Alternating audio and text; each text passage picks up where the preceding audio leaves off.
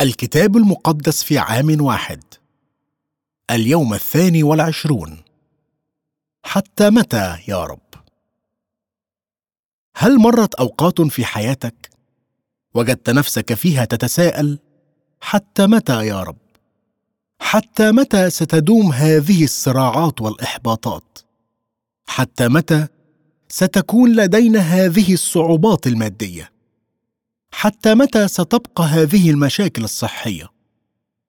حتى متى تدوم صعوبات هذه العلاقة؟ حتى متى سأظل أصارع مع هذا الإدمان؟ حتى متى ستدوم هذه التجارب المتلاحقة؟ كم من الوقت سيلزمني حتى أتخطى هذه الخسارة؟ أحيانا نزور بيبا وأنا كنيسة القس بيتر برايتون. واحدة من الكنائس التي زرعناها. وعند نهاية إحدى الخدمات صعدت إلي امرأة وأخبرتني أنها ولمدة سبعة وثلاثين سنة كانت تصلي لأجل زوجها لكي يجد الإيمان بالمسيح. طوال هذه السبعة والثلاثين سنة كانت تصرخ حتى متى يا رب؟ حتى متى؟ عندما أعيد افتتاح كنيسة القس بيتر ثانية في عام 2009 قرر زوجها أن يبدأ حضور الكنيسة معها. وفي لحظة دخوله الكنيسة شعر أنه أتى إلى المنزل وولد من جديد. الآن هو يحب الكنيسة ويأتي كل أسبوع. لقد سمع الله تضرع زوجته طوال محادثتنا ظلت تكرر سؤالها القديم وعلى وجهها تعبير ينم عن فرح كبير. حتى متى يا رب؟ حتى متى؟ أخيرا استجيبت صلاتها. إلى متى يا رب؟ هي الكلمات الافتتاحية لمزمورنا اليوم. في تتابع سريع يصرخ داود أربع مرات. إلى متى؟ هناك فترات يبدو فيها أن الله قد نسينا. يبدو أنه قد حجب وجهه. ولسبب يتعذر تفسيره لا نشعر بحضوره معنا. كل يوم يبدو أنه صراع. إذ نصارع مع أفكارنا. كل يوم يبدو أنه يجلب الحزن. يبدو أننا نخسر المعركة. ويبدو أن العدو منتصر علينا. كيف يجب أن يكون رد فعلك في أوقات كهذه؟ استمر في المضي قدما. نرى في مزمور اليوم أربعة أمور ينبغي أن تظل تعملها أثناء الأوقات الصعبة. استمر مصليا. يستمر داود في الصراخ إلى الله. انظر واستجب لي يا رب إلهي. أنر عيني. إنه يسكب قلبه لله. لا تقلع عن الصلاة حتى عندما يبدو الله بعيدا. استمر واثقا. أما أنا فعلى رحمتك. لقد ألقيت نفسي بلا تردد بين ذراعيك. من السهل نسبيا أن يكون لديك إيمان عندما تسير الأمور حسنا. تحسبا لحدوث امتحان الإيمان عندما لا تبدو الأمور أنها تسير حسنا. استمر فرحا. إنه لا يفرح في التجارب بل بخلاص الله. فهو يقول يبتهج قلبي بخلاصك. إنني أحتفل بإنقاذك. استمر عابدا. بالرغم من كل ما مر به كان داود قادرا أيضا أن يرى صلاح الله. أغني للرب لأنه أحسن إلي. إنه يتذكر كل ما فعله الله له. بينما تسبح الله وتعبده يعطي هذا لمشاكلك منظور آخر. أحيانا أجده امرا نافعا أن أنظر للوراء. على كل حياتي. وأشكر الرب من أجل ما جعلني أجتازه من صراعات شخصية وإحباط وأيضا حرمان. وأن أتذكر كيف أنه من خلال كل هذا أحسن إلي؟ يا رب إنني أمجدك اليوم. أشكرك لأجل إحسانك لي ومن أجل كل المعارك الآتية. إنني أثق في محبتك التي لا تسقط ابدا. استمر في اتباع يسوع. لا يلغي التأخير وعود الله. لا يغير الله دائما اوضاعنا على الفور. لن يستأصل المرض ولا المعاناة بصورة نهائية حتى يعود يسوع. تعد هذه القصص واختبارنا للمعجزات والشفاء لمحة مسبقة لما سيحدث وقت ذاك. يستعلن صلاح الله بصورة فائقة في يسوع. مرة أخرى وفي هذه الفقرة نرى صلاح يسوع الرائع. وكيف يشفي في وجود الخطية والمرض والمعاناة. استمر في تجديد ذهنك. يقول يسوع إن مشكلتنا لا تتعلق بالأمور السطحية. مثل ماذا ناكل يدخل الطعام إلى جسدك ويخرج منه. أما الأشياء التي تؤذيك فتأتي من الداخل. ما يخرج من الفم يبدأ في القلب. المشكلة الحقيقية هي الخطية الموجودة في القلب لأن من القلب تخرج أفكار شريرة قتل زنا فسق سرقة شهادة زور تجديف. هذه هي التي تنجس الإنسان. يكمن تحدي كلمات يسوع في أنه بينما لا نكون قد ارتكبنا القتل أو الزنا إلا أن جميعنا قد سقطنا في أول عقبة. أول سمة يذكرها يسوع تماما هي الأفكار الشريرة. ليس الحل لخطيتنا هو الطقوس الخارجية كما كان يقترح الفريسيون. الله فقط هو الذي يمكنه تغيير قلبي. أحتاج معونة روحه القدوس ليغيرني ويطهرني. استمر في الصلاة من أجل الشفاء.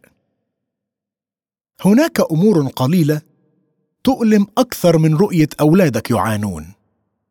كانت ابنة المرأة الكنعانية مجنونة جدا. لابد وأن هذه الأم قد صرخت في قلبها حتى متى يا رب؟ لكنها استمرت تطلب الشفاء ورفضت أن تحبط بسبب حقيقة أن يسوع لم يبدو مستجيبا لطلبتها. فأتت وسجدت له قائلة يا سيد أعني. رأى يسوع أن لديها إيمان عظيم وشفى ابنتها ومضى ليشفي عرج وعمي وخرس وشل وآخرون كثيرون.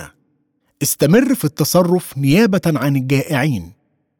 لم يتناول يسوع مشكلة المرض فقط بل اهتم جديا بالمعاناة التي يسببها الجوع فقد قال إني أشفق على الجمع لأن الآن لهم ثلاثة أيام يمكثون معي وليس لهم ما يأكلون ولست أريد أن أصرفهم صائمين لئلا يخوروا في الطريق.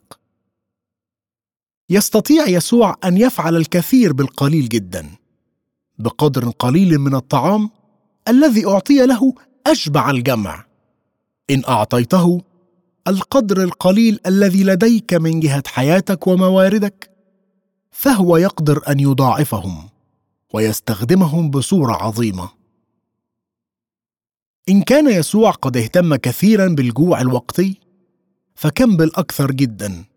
سيكون مهتما بخصوص مئات الملايين من الناس في العالم اليوم والذين يعانون من الجوع وسوء التغذية.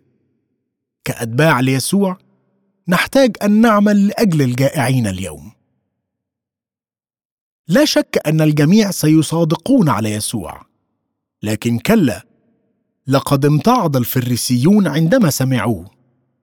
إن كان حتى يسوع قد نفر الناس بما قاله فليس من المفاجئ أن ينفر الكثير من الناس بما يقوله المسيحيون والكنيسة اليوم.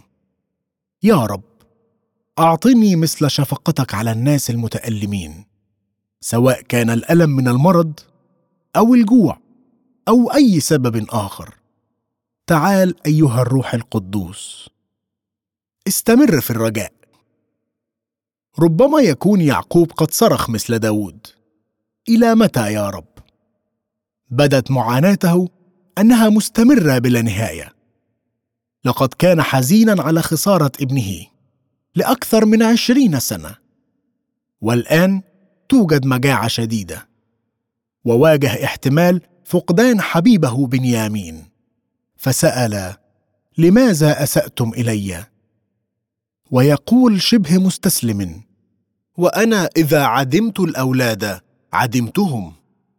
في النهاية كان على يعقوب أن يثق في الله ببساطة ويترك ابنه بنيامين يذهب. وعندما فعل صارت الأمور على ما يرام. غالبا جدا لا يحل الله الأمور تماما حتى نرفع نحن أيدينا ونعهد بالأمر ليدي الرب. ربما ونحن نخاف من حدوث الأسوأ. يعد كاتب هذا الجزء من سفر التكوين راوي قصص بارع. إنه يرسم الألم الشديد.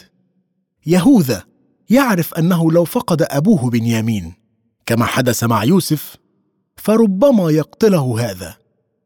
إنه يتكلم عن لئلا أنظر الشر الذي يصيب أبي. طوال الوقت نحن القراء نعلم أن يوسف ما زال حيا في الحقيقة وأنه خلال كل ما يحدث يتم تحقيق كل أحلامه. لقد تأثر يوسف بعمق وكان مضطرا أن يبحث عن مكان ليبكي. وضع يوسف إخوته في اختبار. يهوذا رجل مختلف الآن. قبل هذا باع أخاه بقسوة ليكون عبدا. والآن هو مستعد أن يضحي بحياته لينقذ أخاه. فالآن ليمكث عبدك عوضا عن الغلام. عبدا لسيدي ويصعد الغلام مع إخوته. كان الله يعمل.